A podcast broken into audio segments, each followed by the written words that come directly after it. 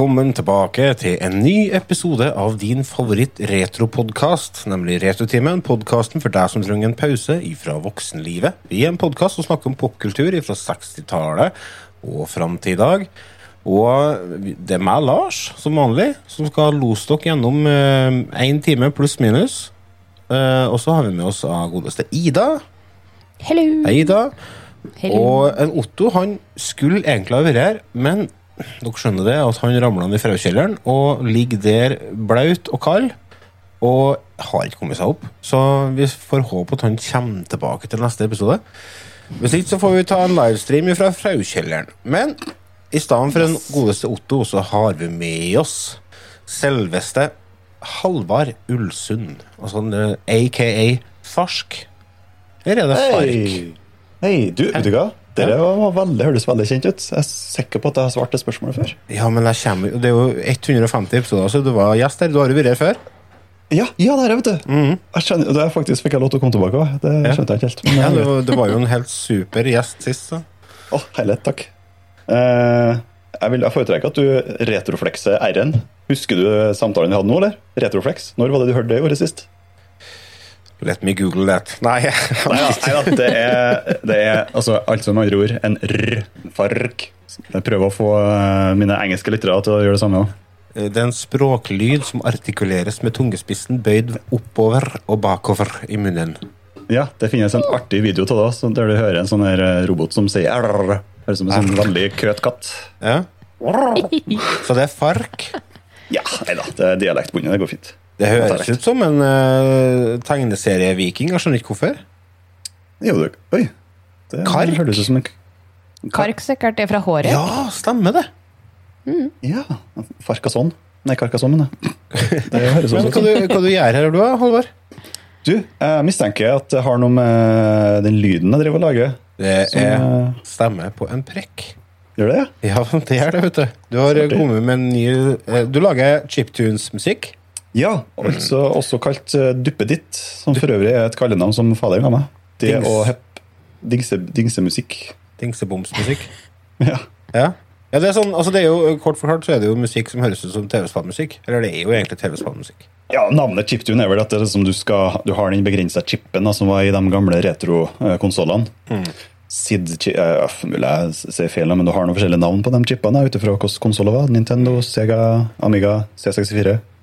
Alle de chipene der hadde forskjellige lyder. Og det har blitt populært å bruke i musikk, og det skal vi høre litt mer om etter at vi har på en måte kommet litt i gang her. Vi skal ta vår faste spalte først og fremst. Hva har du gjort siden sist? Så jeg vurderer jo om jeg skal krysse inn pandaen. Det her blir jo ikke bra. Jeg ble kontakta av en bekjent, og han hadde 160-170 laserdiskplater. Hva heter det? Tvangsjakke? Eller tvangsgenser? Jeg husker ikke hva det heter. Tvangstrøye. Tvangstrøye! Tvangsgenser. Hva har du gjort siden sist? Du som gjest, Halvard, skal få lov til å begynne. Hva har du bedrevet? Har du gjort noe spennende eller kult i det siste?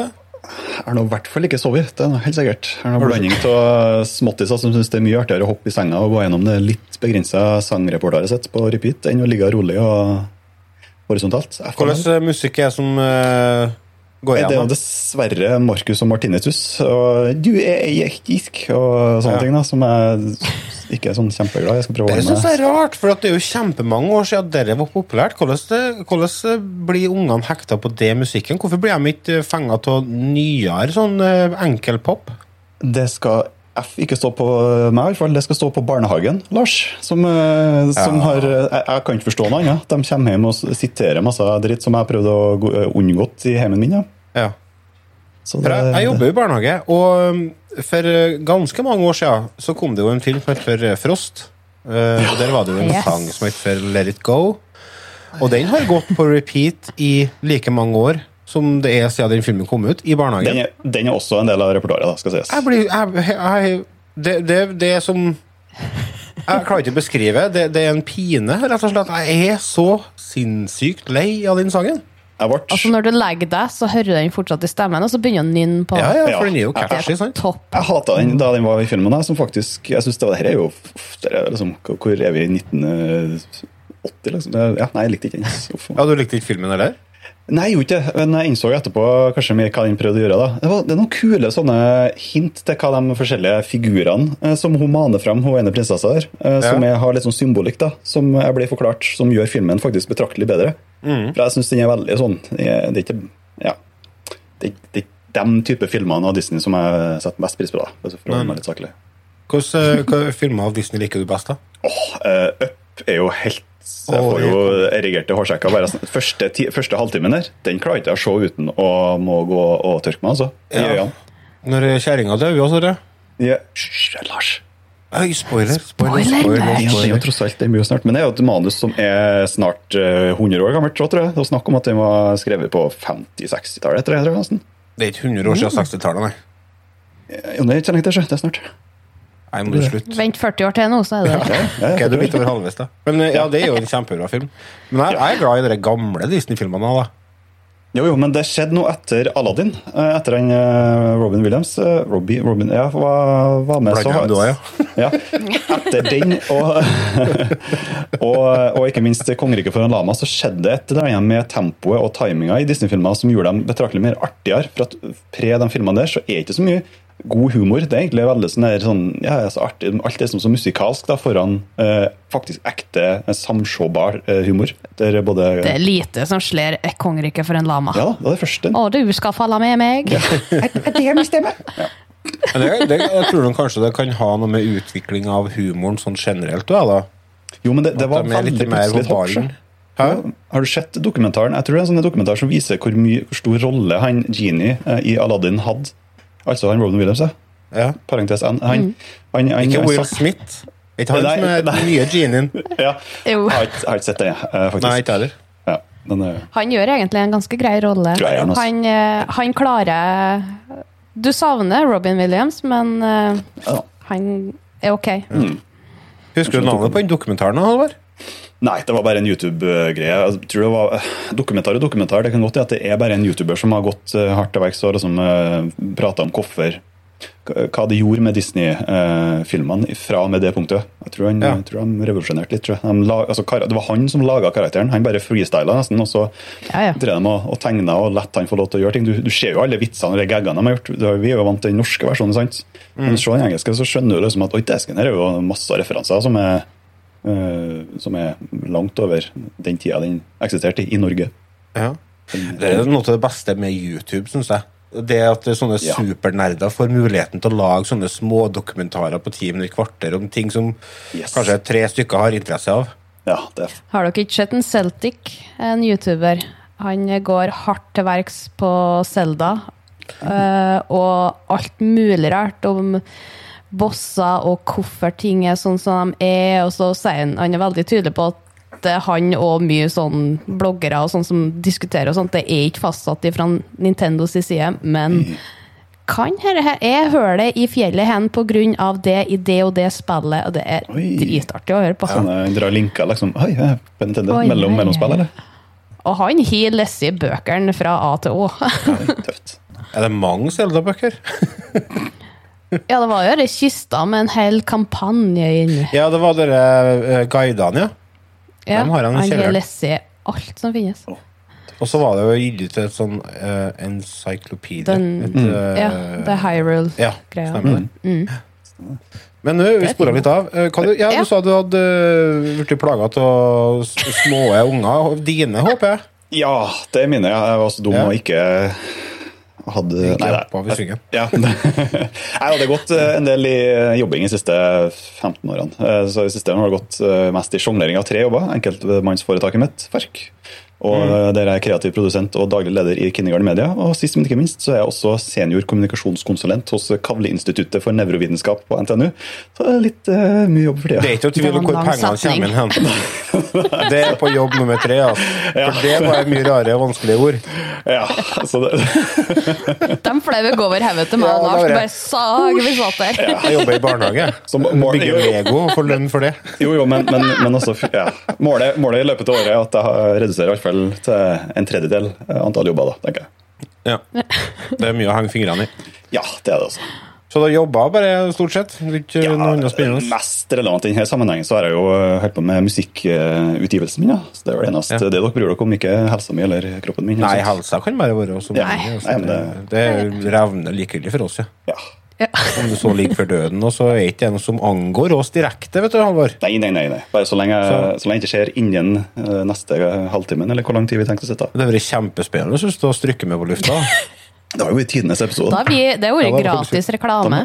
Da må vi ta da har vi sikkert kunnet da har vi sikkert kunne ha søkt på noe sånn fond òg. Ja, ja, ja. Oh, ja. Du er i løpet av uh, superspissformulert uh, podkast. Nei, nei, men altså, all spøk til side. Det høres ut som at du trives og vokser. Ja da, ja, ja, jeg vekst, Jeg har lagt på meg 11 kilo siden kona ble gravid. da, Så det, det er Det rart. er Sympati- misforstått. Det er jo ikke du som skal legge på deg. Jo, men du, det er faktisk ikke kødd. Det er noe som heter sånn empath, uh, pregn empathetic pregnancy. Et eller annet sånt som gjør at partner til den gravide, Sympati- sympatigravide, Ja, okay. den, den eh, gjør seg klar til ganske harde dager i møte. Da. Og det har, har kartlagt eh, vekta mi siden, siden iPhone introduserte den Health-appen. Og da ser du en, en grad rett i, eh, da kona begynte å få mage. så føyk det opp, faktisk. da. Jeg gikk opp 11 kilo, og jeg har ikke gjort noen endringer i kosthold eller, eller trening. Det er helt rart. Nei. Så snålt. Kjemperart. Det. Så det kan ikke være noe annet. Ida, da? Du blitt gravid? Nei, det har jeg ikke. Flaks. Yes. Tips på litt sånn. Nei, jeg har sett en serie Ja, høre. eh, som kom ut nå nettopp på Netflix. Den heter Sweet Tooth. Jaha. Eh, Den så jeg den starter med ganske skarpe farger. Og den er så søt! og så ble den litt sånn øh, Og så ble den veldig deppa, og så ble den kjempefin igjen. Kan jeg få bare spørre en ting? Er det er det, Ja. det med bilde av en gutt som har eh, horn? Og, for at Ja, det er det rett før jeg kom hit og vi tok en avgjørelse om den creeperen, altså da jeg satt på do, men jeg, så, Mm. så, så, så dukka opp på feeden min dere, på Hideo Kojima sin uh, feed. Mm. Har det noen sammenheng? Er det han som har leka, eller er det bare at han liker den? Det er jeg litt usikker på. Det er Warner Bros. eh, som laga, laga den. Uh, Handlinga er at det er et virus i verden, uh, og folk dør. Eh, og så blir det født eh, babyer med dyrekroppsdeler, så i stedet for hender får du vinger og nebb og hånd og ører og alt sånt der. Det er kjempesnedig. Og så er det hva kom først, viruset eller ungene? Ja. Og så følger du livet til en Gus som er født med eh, hjortehorn og hjorteører. Ja. Som er på framsida av det der. Er du kommet langt, Vi da? har sett fem episoder. De varer, første episoden varer en time, og så varer de neste mellom 50 og 40 minutter. Det er sånn, det er sånn perfekt lengde, egentlig. Ja, Så vi har sett fem episoder så langt. Meget spennende. Har det kommet mange sesonger? Er det første sesongen? Eller? Første sesongen, ja. Den anbefales. Anbefales. Den, Den er kjempesøt. Mye fin musikk, og så er veldig fin De jobber mye med lys og farger, ser jeg, om hvordan stemninga er. Godeste Aftenposten har skrevet denne serien føles som starten på noe stort. Ja. Husk på det, sa han også. Pandemiserien Sweet Tooth er en spennende roadmovie og et rørende eventyr. Jo, det her høres jo for så vidt spennende ut. da. Kanskje jeg skulle Ja. ha lagt det der på lista. Du, Det er det bare å gjøre. skal vi se. Eh, nei, nå har jeg ikke jeg telefonen her. Men eh, en liten app jeg vil anbefale dere, dere og kjære lyttere. Dere må sjekke ut noe. Det blir mye TV-titting. Det er sikkert mye hjemmesitting. eh, Det er jo denne pandemien. Så da er det med det med å ha- holde oversikten over alt det du følger med på. Ja. På Android så er det en app som heter TV Time. Som er Ja, eller Playpilot. Eh, hvordan eh, hvordan, eh, En Halvard viste opp et bilde av telefonen sin. Han hadde en, app som heter Playpilot. Ja, det er min go-to-app, da, eh, der jeg Ja. kartlegger. Men eh, tilbake til småbarnslivet. Jeg har nesten ikke sett en eneste serie siden det ble barn i livet, skulle vi si. Eh, nesten ikke, iallfall. Eh, men, eh, men, den, den, men jeg, har, jo liste, da, så jeg kan bare jobbe. Ja. Hvis ikke jeg ser noen serier, så står jo tida stille, så da har jeg ikke noen referanser. Så da kan jeg bare fortsette fra 2000 og... Da går bare dagene i ett. Ja. Ja, men jeg, jeg ser den. Men vet du, det er viktig det med å ha oversikten. Og likeens det når du får tips om serier og filmer og sånne ting Ja, ja, det, din vær sikker høres jo kjempebra ut. Du har ikke sjanse til å huske på det hvis ikke du skriver opp det.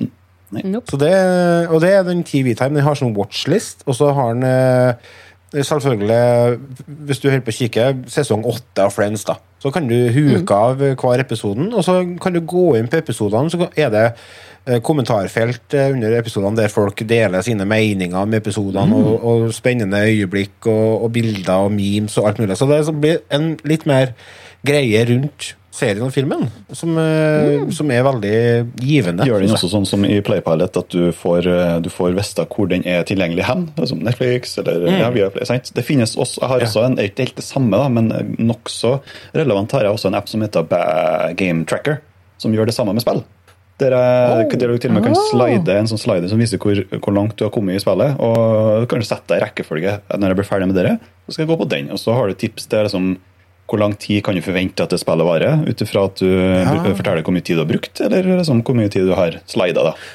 Hva du kaller appen? Eh, jeg tror det er Game Tracker. tror jeg det, de har, det er jo sånn typisk sånn der uh, sjælløse navn. da. Uh, Ja, ja.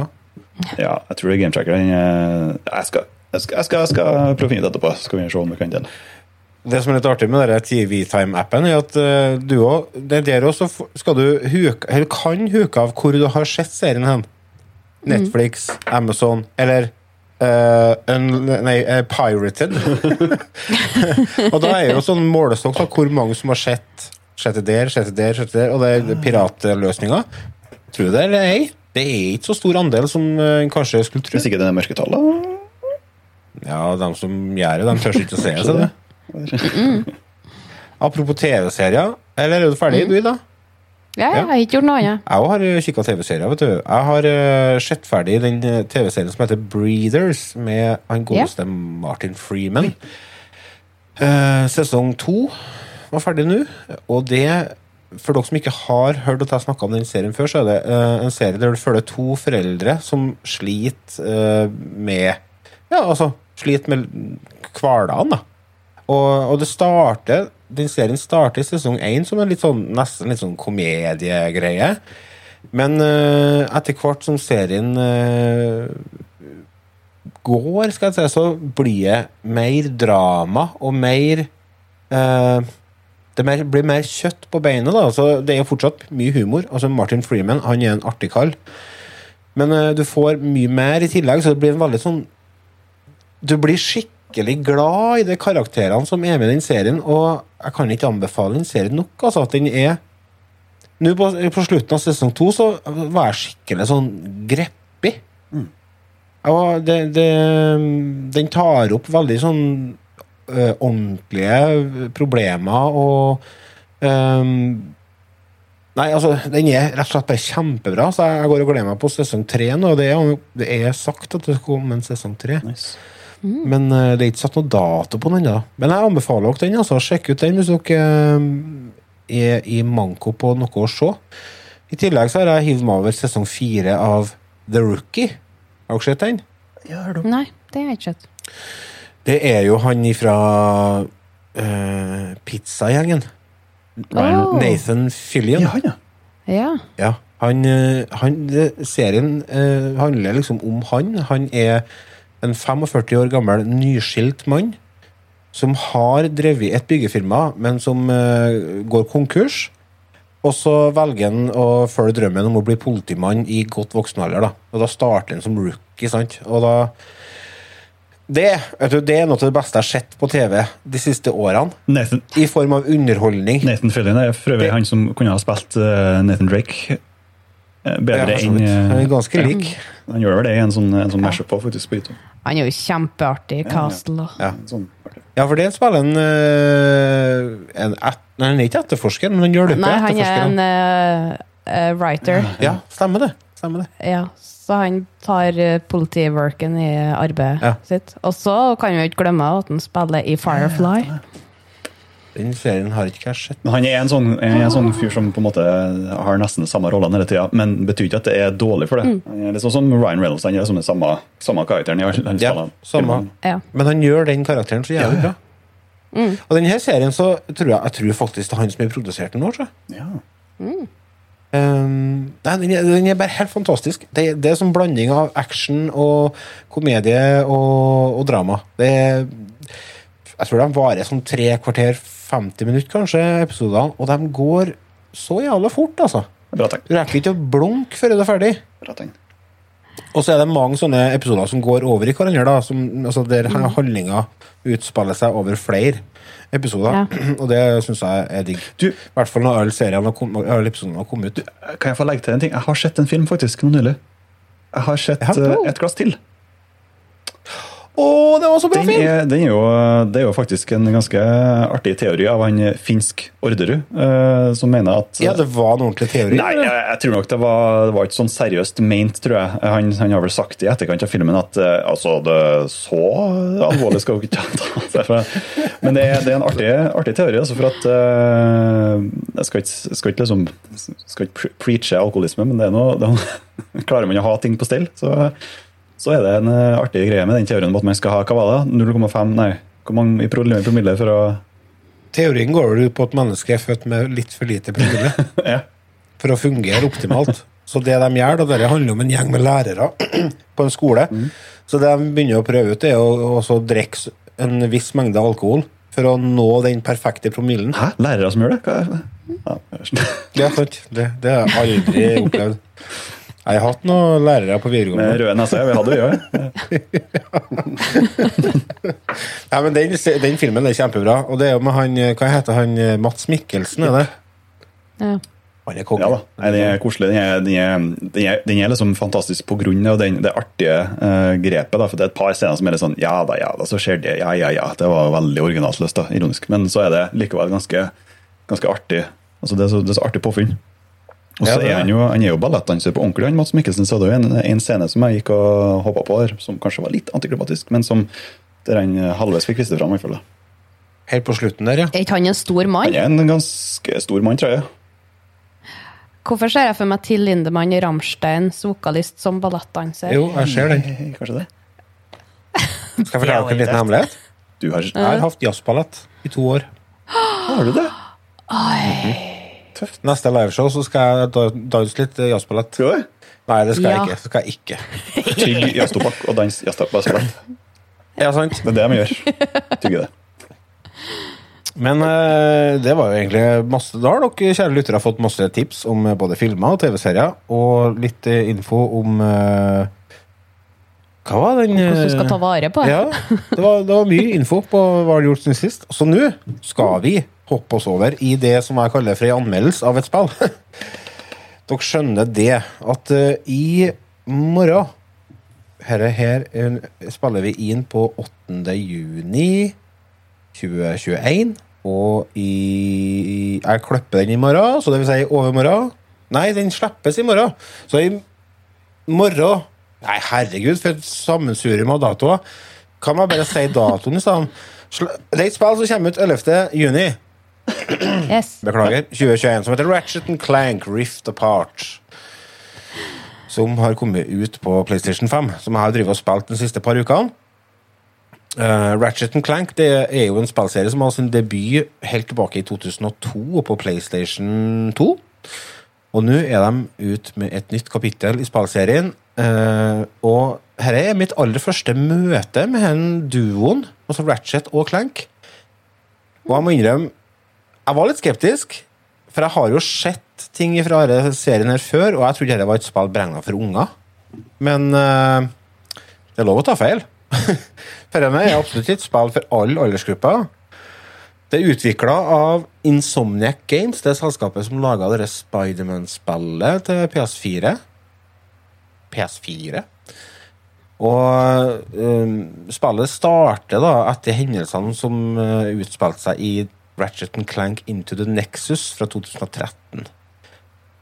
Eh, hovedoppdraget i spillet her, det er å hindre erkefienden din, Dr. Nefarius, Nefarius å utnytte en sånn dimensjonal kollaps. For at han har en sånn drøm, skjønner dere. Og det er å utrydde alt av organisk liv i hele universet. Det er viktig å sette seg mål, tenker jeg. Ja. Hele den kaoset starter med at den, dem- det er en sånn såkalt sånn dimensjonator. Det er en sånn heftig dings som er utvikla av rasen Ratchet. Uh, og den eh, slutter å fungere som den skal. da. Den er laga for å åpne, åpne opp sånne rifter inn til andre dimensjoner, men nå må den ødelegges, sånn at Nefarius ikke fucker til absolutt alt. da. Eh, og når de ødelegger den dimensjonatoren, dimensjonatoren så blir Ratchet og Clank eh, sendt til en ny dimensjon, og de blir separert fra hverandre. Eh, og den dimensjonen den blir styra av eh, si, motparten til han Nefarius, han, eh, han doktor Nefarius, nemlig Emperor Nefarius. Altså det, det er hele tida sånne motstykker i, i hele spillet. her. Ja, parallell. Og han emperoren han er jo dobbelt så stor og dobbelt så tvær, da. Og, men den, i den dimensjonen så blir vi jo introdusert for en eh, karakter som heter Rivert. Det er på en måte Ratchet sitt, eh, sin parallell. Det er en kvinnelig Lombax som leder motstandsbevegelsen i den dimensjonen. Lombax det er da den rasen til Ratchet og Rivet. Med seg på laget så får de òg en sånn annen sånn nydelig liten robot som viser seg å være litt mer heftig enn først antatt. Det er en sånn liten, søt gul robot som jeg ikke husker navnet på i farta, men den, den er ganske awesome. Etter hvert så viser det seg at den har en ganske bra rolle. Men eh, da er løpet i gang, og de skal gjøre det de kan da, for å ta ut han eh, Emperor Nefarius. Og henne hen var en veldig positiv overraskelse. Det er et veldig actionfylt spill med god variasjon i gameplay, men òg i det, det som man kan kalle det estetiske uttrykket. da. Man suser rundt på forskjellige planeter, og alle har sin egen look. Grafikken i spillet er helt, helt fuckings fantastisk. Det er noe av det fineste jeg har sett i TV-spill. Jeg tok meg sjøl i å si følgende setning mange ganger i løpet av spillet. Her er det er som å spille en Pixar-film. Det er, helt, det er helt rått hvor langt de har klart å komme i, og hvor mye de klarer å få ut uh, av en PS5. Det er helt sinnssykt. Og det er som sagt uten tvil noe av det fineste jeg har sett i spillformat. Det er fylt opp med små detaljer og bøttevis med sjarm. Hovedpersonene har masse personlighet, og de er så fint laga at en kjøper all den tvilen, sinnet, lettelsene og alle de andre følelsene som de uttrykker gjennom kroppsspråk, dialog. Og de to robotene de er helt på høyde med Ratchet, Ratchet og Rivet. Ratchet and Clank. Og det er sjelden jeg har fått medfølelse for en trist robot, men det gjorde jeg i det spillet her. Det har, spillet har masse humor i tillegg. Og det er noe som uh, gir et godt sånn avbrekk, da, for det er ganske intenst spill. Det er veldig mye action. Veldig mye skjøting. Eh, og det er masse våpen å velge mellom, selvfølgelig. Uh, og det gjør at en kan gå inn i kampene mot de fiendene på forskjellige måter. Uh, her spillet, her, spillserien er jo litt sånn kjent for sånne merkelige våpen. Men her kan du skjøte ut sånne, blant annet sånne snåle sånn soppvesen som slåss for deg. Uh, og så kan du fyre vei sånne lasere med svære eksplosjoner. Altså det, og det er masse, masse våpen. Og alle våpnene har selvfølgelig sine fordeler og ulemper, eh, man, men man utvikler dem også underveis da, gjennom et oppgraderingssystem. Eh, altså Du får mer ammo, bedre treffsikkerhet osv. Um, ofte i spill der det er mye fokus på skjøting, så ender jeg opp med å bruke ett eller to sånn favorittvåpen. Men her uh, skifter jeg veldig mye hele tida. Og det var egentlig ikke før helt på slutten av spillet at jeg endte opp med å bruke uh, noen våpen mer enn noen andre. Uh, og det var fordi at jeg rett og slett hadde utvikla dem mer enn resten gjennom den utviklingsgreia. Du, du samler sånne uh, jeg husker ikke hva de heter, dem du finner, men det, det er sånn enhet. da, En valuta som du bruker for å utvikle det. Er fortsatt bolta? Ja, de er bolter, ja. Mm. du spilte før, du? Eh, ja. Mm. Det er spillet jeg har spilt mye. En uh, annen litt sånn kul greie er, som gir god variasjon i spillet, er at du skifter litt hvem du styrer. da. Du har jo Ratchet, og så har du Clank og Rivet. Og så har du en sånn mikrorobot, eller en sånn, det er mer et sånn program som Ratchet får tak i helt i starten. Og det er øh, sånn hackergreie som øh, Ratchet kan smette inn i forskjellige datamaskiner og sånne ting for å utrydde virus. Og da går det over til å bli sånn øh, Altså det er skjøting der òg, men da skal han drive og ta ut sånne hovedvirus gjennom å deaktivere strømmen deres og sånne ting. Og da kan han gå i taket og veggene og alt mulig. Og det kan være litt forvirrende, da, men det er sånn akkurat passe annerledes til at det gir litt variasjon. Eh, og Ratchet og Rivet sine oppdrag òg går ut på skjøting og slåssing. Men så har du baner der du styrer Clank, han roboten. Og det er litt mer sånn puzzle-basert, da. Så det, det, det hele tida Og det, det er aldri sånn at du føler at å, hen eh, oppdraget eller hen brettet hen, det drar ut. Dette blir kjedelig. De peiser det på en veldig fin måte. Um, som gjør at det blir masse variasjon, øh, og du blir ikke lei. Så det store spørsmålet er det eh, kjørebaner? Ja, ja, ja, altså, altså, ikke kjøre, ikke baner, nei. Tenker du på når han fer på sånne rails og sånn? Rør eller Ja, noe sånt. Du, du har dem, ja. Og det er jo drittøft. og her, altså Kontrollen i spillet er jo helt upåklagelig. Hvordan Det er sånne ting som jeg har begynt å tenke på. Det er veldig sjelden jeg treffer på spill der det er dårlig kontroll i 2021. Ja. De har liksom knekt Og kamerahåndtering også. Det, og ja, mange ganger det var. Super Mario 64. nettopp. What? Ja. Nei, men jeg, jeg liker det, altså, for det, det, er, det er så jævlig irriterende når du på en måte får tak i et spill som har så vanvittig bra potensial, og så blir det ødelagt fordi at de ikke har fiksa kontrollen. Men her har du full kontroll hele tida, uansett om du suser over en bane der det kommer gruvevogner imot deg i hundre helvete, eller om du er omringa av masse fiender. Hvordan, hvordan funker de Ja. eh, adaptive triggerne og hele tatt haptikken på dual-sensen? Der uh, Dere triggerne de, de har ikke gjort noe nytt der i forhold til f.eks. Uh, Returnal. Altså at uh, når du trykker triggeren halvveis ned, så har du på en måte våpenet klart med sikte, og så trykker du den helt ned, og så skjøter du. Så, men altså, det det funker veldig greit, da, for det det er masse fiender her, og du må liksom være på hugget. Eh, så det, det at du kan være hele tida være klar uten å tenke så mye på skal jeg si, gjør at det blir veldig effektivt. da. Og eh, feedback eh, Jeg tenker på sånn du, du kjenner jo elementene hele tida. Jeg har, jeg har en DuoSense-kontroller. Jeg, jeg fikk tak i PlayStation 5, sendte den tilbake, beholdt kontrolleren. og så, og så ja, gjorde du det? Jeg har jo, ja.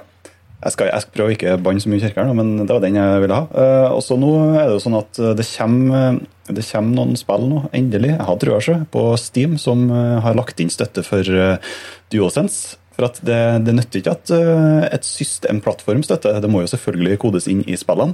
Og da det, tror jeg det er Metro som er det første spillet på PC. da. En, en eller annen Metro, Jeg husker ikke hva undertittelen var. Som, som har, eh, som har uh, i PC-versjonen støtte for uh, Adaptive Triggers. Jeg tipper eh, Modern, nei, Call of Duty er sikkert rett eh, bak hælene. Og sånne typer spill. Det Og Sony er jo heldigvis, eh, i motsetning til ganske mange andre, de er jo veldig åpne med sin hardware. Ikke cross-platform, ikke sånne ting. Mm. Det er Sony ganske douche, men uh, sånn hardware og sånt, der er de veldig åpen og spandabel. Heldigvis. Ja. Men det, det utgjør ganske mye. Jeg, jeg merker fort at det, det er med å øke Jeg tror det, Altså. det største trekkplasteret til, til. PS5 nå, det er den der eh, den ekstra funksjonen der, som faktisk har en funksjon. Jeg er ikke så glad i analoge triggere, men hvis, øh, hvis en kontroller klarer å på en måte øh, gjøre dem sånn tilsynelatende, eller sånn liksom-digital, der du får en, en sånn klikk, så, så, så syns jeg det da kan den være på konkurranse på favorittkontrolleren min. Altså. Slår kanskje pro-kontrolleren til Switch. Hadde ikke vært for det. Den pro-kontrolleren har synket litt i, ja. i verdi for meg. Veldig kult at Nintendo skjønner at vi er nå igjen noe på andre kirka, ja. De skjønner at vi er ferdig med Eller de går for å gå vekk fra analoge triggere igjen. For at det er stort sett bare kjøring av biler og sånt. Nesten ikke da heller. At man trenger analoge triggere. Eh, så de har jo, de har jo digitale eh, skulderknapper. Men de har også en ganske fæl D-pad, og det er jo en ganske viktig Ja. eh, ting i mine type spill. Så, så jeg finner aldri den perfekte kontrolleren. Er Når du er PS2 heter er. Nintendo, Ja. Så må du for i helvete klare å naile den eh, D-paden. Altså. Ja. Det, er jo og du som har funnet opp en. Da må du Ja. klare å sørge for at det er kvalitet. Ja. Men det, det er faktisk den grunnen som gjør at jeg ikke er så kjempeglad i den pro-kontrolleren lenger. Ja. Uh, jeg bruker den uh, Hva heter den? Uh, 8-bit o... ja, den har jeg fire stykk av. Eller åtte stykk av, faktisk. For den, Ja, den bruker. Jepp. 8 eh, SF30 eh, et eller annet sånt. Den, den har D-paden ifra Super Nintendo uh, sin eh, variant. da. De Som, som, er, ja, som er perfekte D-paden, egentlig. Hvis den ikke blir full av sånn mel, som det kalles. da. Ja, sånn, Ja. sånn, ja. Slitasje. Nei, altså, det, er, det er min go to-kontroller, uansett om man spiller på PC eller om man spiller på PlayStation, nei, på Switch eller Og så har den farga knapper, noe som dessverre konsollene går vekk ifra. Jeg skjønner ikke Jeg er spent på å høre hvorfor de går vekk ifra farga knapper. Jeg, jeg skjønner at det enklere masseprodusere. Jo, jo, men, men det, er, det er så mye lettere for meg å snakke til dem som ikke er fargeblinde. eh, nye spillere. Da bare trykk på blå, du. Og til ungene mine. Hvis de skal Hvordan hopper jeg på? Nei, jeg kan trykke på gul. Ja, ikke trykk på den nederst til venstre. Det blir liksom barlått. Ja, nettopp. Og tenkte, og, Ja, for da trykker jeg nederst til Nettopp, høyre. og, og joycons de roterer du jo, sant? de snur du på hele tida. Sånn at A og B og sånt, sånn at de, i måten de viser hvilken knapp du skal trykke på i uh, Nintendo Switch-spill, er jo den venstreknappen, høyreknappen opp. sant? Så jeg må alltid liksom prøve å forklare hva jeg mener når jeg sier det. Har, jeg har de vært farga, så kan jeg alltid sagt den er blå. Og det er alltid blå, sant? På Switchen så har de ikke klart å fikse denne D-paden. Nei da, de har ikke det. Det er en rar greie, altså. Uh, nei, altså, Skuffende opplegg. Men uansett, vi kan jo snakke litt mer om hva vi ønsker av en ny Switch. Ja. etterpå. Men uh, jeg tenker Når jeg bare driver og snakker om Ratchet Clank altså, Er det noe jeg skal trekke på her, så er det at uh, spillet kan oppleves litt kort i forhold til hva det er man betaler for det. Fordi at spillet er jo Det koster jo Jeg tror du kan få det til 650 på Elkjøp, men det er sånn tilbudsgreier. Det går jo for 800 kroner. Uh, og jeg runda storyen på spillet eh, på ca. 12-13 timer. Og det er noe samme som det forrige spillet i den serien. Ehm, men det skal sies da, det er 12-13 timer med kjempebra underholdning. Det er en historie som funker fjell. Eh, det er godt variert gameplay, og det er hele pakka inn med den fantastiske grafikken og musikken. Noe som gjør at spillet igjen får eh, en ren M av meg. Grenser faktisk opp imot M pluss. Jeg syns det var en helt fantastisk opplevelse. Du må forklare skalaen her. På, på alfabetskalaen, eller hva? Ja, du er så ung, du. Ja. Før i tida, vet du, Halvor, så stopper, fikk, stopper jo på F.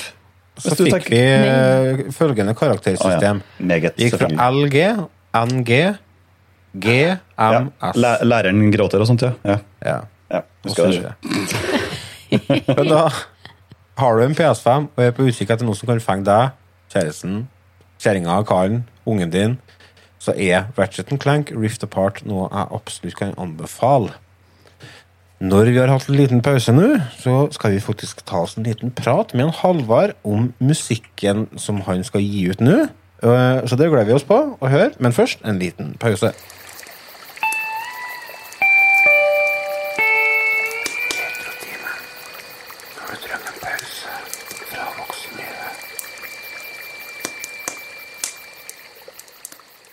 Velkommen tilbake, kjære lyttere. Nå skal vi høre litt med den godeste Halvard, aka Fark, om den nye samlinga som heter For utelat.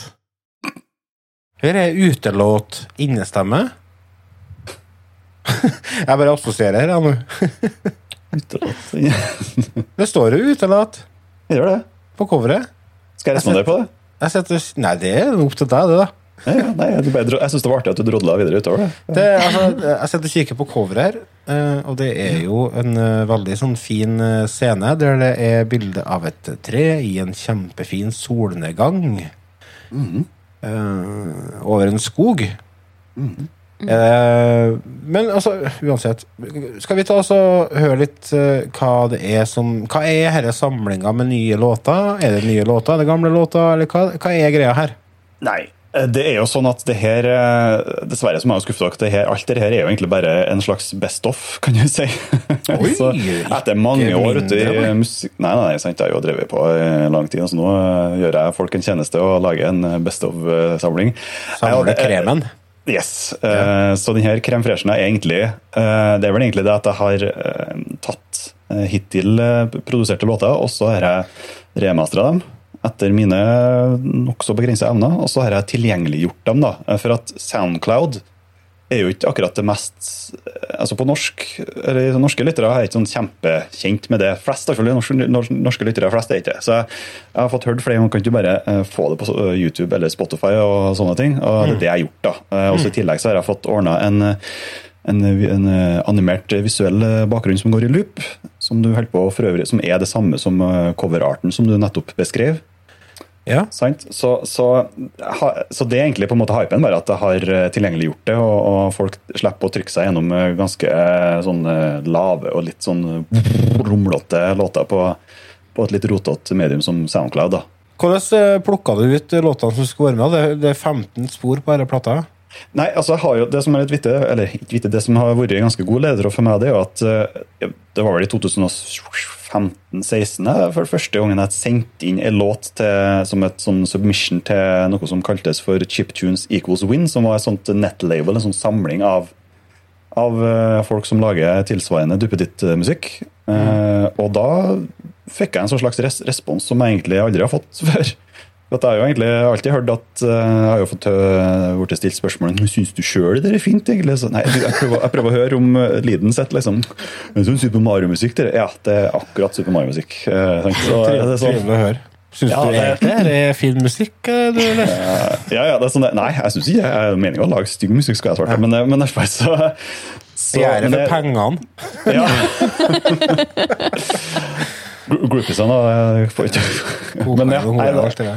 Ja, da, nei, men det, det, er jo en, det er jo en stil som fremdeles ikke er korser ennå. Jeg tror jeg nevnte det sist gang jeg var her, også bare vent en eller annen pop- populær artist implementerer noe sånn der SID 64 leads i, i, i refrenget sitt, så er det plutselig helt stuerent igjen. Eh, Og da har tilbud- du allerede etablert deg. ja, da er det er, nei, men målet er alt, egentlig, alle ting jeg lager, både video og musikk og sånt, det er, jeg syns det er alltid er kulest når det er eh, et par stykker på en måte som sitter og koser seg gløgg med det jeg lager, kontra at det er kjempemange som bare Ja, ja, ja det er noe i lista mi, sant, skjønner du? Så det Ja. er mye kulere for dem som på en måte kanskje kjenner igjen litt. og Oi, du, det er jo samme fra Å, jeg kjenner igjen sitatet, sant, og sånne ting. Det er mye kulere, det, syns jeg. Og det beskriver jo egentlig ganske mye av det jeg lager. da. Folk som tar de ekstra referansene. Folk som tweeter til meg, folk som sender meldinger. Og, Ja, jeg så hva du gjorde der, ja. Ja, for du har jo forholdsvis eh, Jeg var jo innom Soundclouden din og kikka litt, og det, det er jo flere av låtene dine som ligger eh, Som har mange avspillinger, så det er jo folk Det er jo et publikum for det. Ja da, og det fikk jeg, jeg har ikke sjekka sjøl, faktisk, men, det fikk jeg jo egentlig etter å ha sendt inn til dere Chiptunes Equals Win-greia. eh, Og der var jeg med helt til de stoppa. Det, det var noen sånne sammenbrudd som skjedde, tror jeg. Mentalt sammenbrudd som gjorde at han, presidenten der han fjerna alt. Nesten så nå er jo låtene på en måte frigjort. da, og da tenkte jeg sånn, Hvorfor ikke ta det som et tegn? For jeg har alltid tenkt i år i år er året jeg skal slippe samle liksom, og legge ut alt sammen. Men jeg må først lage en låt til årets uh, submission til Chiptune Sequels Win. sant? Men så ja, ja, stoppa opp. Greit, da skal jeg bruke det året her på å få ferdig den her. da. Du har jo uh, Den låta som har mest avspillinger av på uh, Soundclouden din, det er òg med på den eh, samleren som du har gitt ut nå, og det er jo den låta som heter 'Kalle kanonkule'. Ja, stemmer det. Eh, Fiffig tittel. Var, tanken var egentlig å liksom altså, titt, hvis, du skal hvis du gir meg 19 år på å komme på en tittel eh, på en låt, og sånt, så blir det som regel noe veldig hverdagslig. sånn Bøttekott eller et eller annet sånt. Men mm. Kalle kanonkule, da, det er utrolig vanskelig å finne på ting. Eh, men jeg tegna bare sånn kule med ansikt på, og så tenkte jeg sånn Ja, hvorfor jeg ikke bare prøve å slå det sammen, sånn at det har sammenheng? da, Så det var en liten sånn der eh, kanonkule med ADHD, tenker jeg, som eh, er ganske ivrig. Som på en måte var tema. Jeg ser alltid for meg noen sånne ting mens jeg lager musikken. Ja. Sånn høres han ut, liksom. da tenker jeg. Ja, Den låta den stakk seg ut litt. eh, Det, det ble en liten favoritt for min del. Jeg likte meg det, som litt, sånn, av- det som er litt typisk musikken din, er jo det at du lager Du etablerer på en måte noen, noen tema, noen motiv, og så eh, behandler du dem på forskjellige måter gjennom hele låta. Enten eh, gjennom forskjellige eh, instrument, lyder, eller med variasjoner i temaene. Og det syns jeg det kommer fram veldig godt på den låta. Ja, for det er lite eh, Er det moderering det kalles når du skifter mellom eh, Når du liksom varierer akkordene i forskjellige eh, deler, da. For det er ganske Det er ofte de samme akkordene som gjentar seg gjennom alle låtene. Røpte jeg hele greia. Men da så, så, så, Sånn sett så er ikke jeg så kreativ, men jeg, jeg liker å drive i stykker de samme akkordene. da. Og det, og det gjør det sånn at det er litt mer sånn relevant til inspirasjonskilden som da er gamle TV-spill. Der ting går litt sånn. Du sier du, du, du er ikke kanskje så utfordrende på den eh, på, på harmon, harmonier og sånne ting, men Ja. det er ekstremt rytmisk, fengende musikk, da. Det, det tar jeg til meg. Takk skal du ha. Det er litt psykopering og sånt eh, som jeg regner med du la merke til. Ja, ja, jeg elsker sånne ting. Eh, og det var jo den låta som heter Biltur. Ja. For en nydelig sving det var i den låta. Jeg satt og vugga skikkelig stort til den. altså. Den ble jeg ferdig med samtidig som Kalle Kanonkule, faktisk. nesten. Å, så så det, så de, er, de er tvillinger, de, sjø. Og en annen ting som jeg la merke til med den låta, var at du hadde med den billyden flere plasser. Ja. Og jeg, jeg, jeg fikk sånn, jeg hadde igjen øynene, så fikk jeg litt sånn feeling av at jeg satt i baksetet på bilen til foreldrene Ja, med en sånn Gameboy i hendene. Ja! ja, Lars! Vet du, det stemmer. Det stemmer. det, det var kult at du har gjort. Ja. Men Det er jo ikke noen sånn billåt i seg sjøl, men bare jeg tenkte liksom det her ser jeg for meg kan, eh, noe jeg ser på mens jeg ser ut vinduet, eller prøver å se på Gameboy-skjermen mens det er gatelys som. Regndråpene på vinduet på bilen som Oh, yeah. har konkurranse nedover. Ja. Mm. det er så bra, akkurat det der. Fordi at eh, jeg, jo, jeg kikker jo på TikTok når jeg skal legge meg og sånne ting. Og da er jeg jo sånn typisk sånn uh, You remember this and that. Og da er den, den assosieringa til barndom med å sitte og se på vinduet der regndråpene kjører om kapp, det er visst et internasjonalt fenomen. Det er en greie. Det, er også, det å holde inn ned-knappen på den hvite blokka i Super Mario 3, hvem er det som forteller deg det? Nei, Hvordan klarte man å finne ut det? da man spilte Jeg tror jeg har lest det i Nintendo-magasinet. Ah, ja, okay, Jeg har ikke jeg peiling. Jeg tror jeg har ikke søskenbarn eller noe sånt. Eller så trykker du vilt på knapper. Ja, ikke. Men apropos Gameboy, da. Det var, Du har en låt eh, med på den samleren som heter for uh, Drittglad. Ja. Og da var jeg innpå var, jeg på, var du på YouTuben din, tror jeg? For du har jo egen YouTube-kanal der du hadde laga Drittglad på en ordentlig Gameboy. Ja, stemmer. Det er litt kult. Ja, det er litt kult, for da kommer de gode, gamle tracker-kunnskapene til som halvveis gode. Da, da brukte jeg plukka opp et program som heter LS, eh, LSDJ, Ja. som er et program på Gameboy som ganske mange uh, chiptune artists bruker på scenen også. Det, man ser jo veldig spesiell ut der de står og hopper og spretter med en liten Gameboy, og så plutselig så ryker kanskje batteriene, og så ser man I need new, I need new batteries, please! Så, det har skjedd. Bare søk på, på Magfest performances og sånt. Kødder du med meg? Nei da, det, det har skjedd flere ganger. Folk som går til å få batteri på scenen. Vi har jo ja, da har vi modda Gameboyen sin og lagt inn sånne RCA-outputs, så man får kobla Gameboyen sin ordentlig eh, med sånn rød og hvit kabel til, til anlegg og sånt. Og, eh, og sånt. Så, så det er en sånn, det er en sånn tracker-måte å lage musikk på som, eh, som dateres tilbake til de første eh, maskinene eh, for, å få, for å få chipen til å lage bestemte lyder. Skal ikke gå så mye kjempedypt inn i det, men det er i en type musikk som, er, som inspirerer den måten, den, eh, den eh, musikken som jeg lager. Sånn demosceneaktig sound.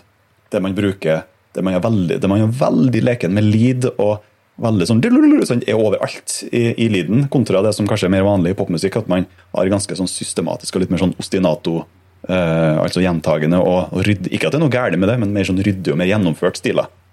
Ja, for altså, det er jo en ting som er litt gjenganger i musikken din nå. Altså, det, det er ikke eh, ikke for å fornærme deg på noe sett og vis, men det er, det er ikke ofte at det er en sånn slags bærende melodi.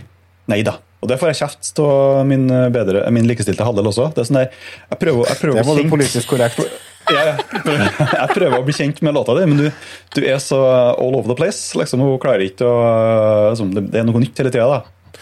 Uh, Ja, altså, ja, for det er ikke det, er ikke det jeg vil kalle lettfordøyelig musikk. Altså, Nei, det er eh, for det som er litt greia her, er at det er at vi nå har problem å hatt eh, egentlig alle låtene dine med på et TV-spill. Mm. Og at de har på en måte ligget som en slags ambience. Men når du skal høre på den musikken der eh, kun ved å sitte og høre på musikken, Mm. så krever det litt. I, Det gjør det. fordi I og med at det ikke uh, har noen melodi Du har en melodi, men du skjønner hva jeg mener. Men Ja, ja. det som er jævlig artig med musikken, er at du har så mye små detaljer hele tida i musikken, så det blir veldig spennende å høre på det. Det Men du kan, ikke, sånn- du kan ikke ha det på samtidig som du sitter og for eh, lekser eller skriver noen notater fra et møte. Altså, det, det er ikke jeg, poenget. jeg, jeg, ser, jeg ser at uh, det er noen som har sånn My Homework-playlist, der, eh, der s- det dukker opp i sida på SoundCloud liksom, hvor låtene har blitt i playlistene. Altså, det, det er noen som har i hvert fall den Enya-remixen min på, på Homework. eh, Et eller annet. En svenske som sendte melding til meg og sa takk for at du lydla doktorgradsavhandlinga uh, mi. Så. Så- I, I stand corrected. Nei da, nei, men jeg jeg er helt enig, og det er litt interessant at du sier det. for at når jeg, Hvis jeg lager musikk til f.eks. spill eller eh, podkast, og sånt, så legger jeg alltid med en variant der her har jeg kutta lyden, sånn at dere slipper at det konkurrerer med talen deres. Så, og det er noe jeg har tenkt på, jeg òg. Skulle jeg ha versjonert, kanskje lagt, lagt ut en versjon der jeg bare kutter lyden og lar grunnresten på en måte gjøre jobben sin. Så får man nesten tenke litt sånn at det blir litt sånn eh, litt mer, litt mer sånn ro, Jeg skal ikke si roligere, da, men litt mer eh, komprehensibel eh, og for det. Det er jo litt som hva du øh, Altså, vil du gå på Vil du kompri... Hva er det? Gå Inngå et kompromiss? Kompromiss. Ja. Så er det jo for så vidt en grei måte å gjøre det på, men du selger deg litt, da. Det blir litt horete, da. Jo, jo, men eh, sånn tilleggs... Eh, tillegg, da, vet du. Ja, litt, litt snadder og tott. Vi har jo en eh, Patrion som eh, driver litt med den uh, det der Gameboy-programmet. LS DJ, var det? Ja. En som heter for uh, Per Einar Skavhaug. Har du hørt om han? Uh, hva er hans uh, pseudonym, skal du si? Hans handle? Mm, Godt det, det du med oss. eh, jeg er litt usikker Å, han river seg sikkert i håret mens du sier sier Er det. det. Ja. Sepsi? Ja, er det han? Hva er det jeg skulle si? Sepsi, tror jeg, ja. Besett. Yes, jeg har hørt eh, han, eh, en som heter en eh, felles bekjent av oss, en verdarding som heter Kalle. Karl Peder Sjømelding. Ja, stemmer det. Merdøløling. Han, hey. han sa at han kjente han der og da spilte han av en låt til meg og sa at åh, dere, dere var crème fresh. tenkte jeg. Mm. Ja, jeg hørte litt av det som vi laga. Det var Jeg husker, altså. jeg, husker, jeg, hørte, jeg hørte det der og da, sikkert jeg vet ikke hvor mange år siden, 10-15 år siden. Jeg husker krystallklart uh, i dag også, så det han skal jeg høre mer av. Sitter med tårer i øynene nå. Ja. ja, men det mener jeg, altså. Eller, Jeg syns det er så kult at uh... Eh, Du, kan, bare, du, kan vi ta og Kan vi, kan vi ta kollabe, Sepsi? Collabe, send meg melding. Kan vi finne på noe sammen? Ja, du. Woop, woop. Og et glass Ratsepots. Ja, Den har du, fikk du en invitasjon, vet du. Så nå er det bare å Du finner meg på SoundCloud og snart Spotify og TikTok faktisk også, hvis du har lyst til å lydlegge dere dansevideoene din der du later som du snakker i lyden av andre folk. Eller hva det er de gjør på TikTok. Ja. Det er bare å så ta opp tråden, Per Einar, så kan dere uh, få til tidenes outro-låt til Rautetimen. Yes. Har ikke det vært kult, da? Jo, jeg, har- jo ikke nok jobb for tida, så det er på Nei, sant? Jeg tenker vi må laste den ned litt. Men eh, skal vi se tilbake til plata, da. Eh, hvem er Sakio? Du, det er en som heter Odin eh, Hoff. Han, er, han ble også tipsa eh, av en Han er fra Trondheim. Aha. Han er òg en fyr som bruker Han er en fyr som bruker um, uh, Renoise, da, som er, som er den mest moderne uh, måten å bruke sånn tracker-aktig uh, musikkverktøy. Mhm. Sepsi kjenner sikkert til det. Eh, så han er òg en fyr som, eh, som er enkel å spørre. Jeg ble bare kjent med han via dere musikk, eh, felles musikktypen vår. Ja. Og han, ha- de gangene jeg, jeg møtte sånn notevegger, da, altså sto litt fast, så tenkte jeg sånn Du, Odin, kan du, kan du, har du noe halvferdig, du, eller har du lyst til å høre på det halvferdige mitt? Og så tok vi dere fostrene våre da, og ble ferdig med et, et barn sammen, da, som vi var, har delt foreldrerett til. Ja. Så han, han har knekt noen eh, notevegger til meg, og vice versa. Ja, for han er jo med på flere låter her. Han er med på er en låt som heter Lille Pille, part to. Yes. Altså, andre delen er han med på. ja. Og så er han med på en låt som heter For Puddel. Oh yes, basert Og- på bikkja hans. Eller som er ja, så det? Mm, Levi. Eh, teksten da, du tenker på. Eh, ja. Og så er det en låt som heter For Fjomp. ja, det er basert på min eh, da nyfødte barn. Ah. Det var søtt kallenavn, da. Fjompen. fjomp. Ja, Fjompestumpen kan jeg hete. Proppestumpen og Tistas. Koselig, koselig. Vært Eh, Altså, du har artige titler. Det skal du ha. Ja. Perm Snøball, for eksempel. Ja, Det likte jeg. ja da. Vi kan Får sånn så assosiasjoner til fattern, egentlig, for det er jo stillongs og grøten sier mø og pølse på taket og litt sånn enkle titler. Poteter på badet. Men jeg prøver, jeg prøver å gjøre dem sånn ikke altfor norsk, men samtidig altså, Hvis jeg skal, altså, hvis jeg skal noe internasjonalt, uh, sant, så skal vi jo ikke ha sånn altfor mye vanskelige ord. Men så tenker jeg sånn, hvorfor ikke? Jeg, jeg vurderte å skrive og, og, og, og kalle en, en tittel for noe som, øh, som, som på engelsk da uttales et øh, norsk øh, grisete ord, sant, for eksempel. Da. Bare at jeg skriver det med engelske toner. Sant? Men jeg, jeg orker ikke. Jeg kommer sikkert til å angre. Har ikke så tatoveringer, men jeg angrer seg litt på det. Så Ja. det blir en rare, banale ord, tenker jeg. Vi har jo Du har ordna en liten eh, snutt til oss Ja, som vi kan spille av. Sånn at uh, dere kjære lyttere skal få en liten feeling av hvordan musikk godeste Fark driver med. Og det er et uh, utdrag fra den låta som heter 'Minstemann'. Er det minstemann i flokken hjemme, eller? Ja, det er vel at jeg er en minstemann sjøl, tenker jeg. Eh, Så det er en liten sånn homasj til alle attpåklattene, egentlig. Som, eh, som, man, som sitter og vurderer om de egentlig hva meninga skal bli til. og sånt. Ja. Høres så veldig dypt ut, da, men det er det ikke. Nei, men altså, jeg syns det er kult å høre tankene bak her, da. Ja, Kaller litt søte ting og litt sånn ikke så pretensiøse ting, så slipper man å bli så arrestert. For Hvis jeg kalte det sånn uh, Troll leading his back against the wall, thinking about uh, days past, så blir det litt sånn Hva hva du prøver å fortelle, egentlig? sant? Ja, sant. Men vi kan ta oss og spille av en liten stund her.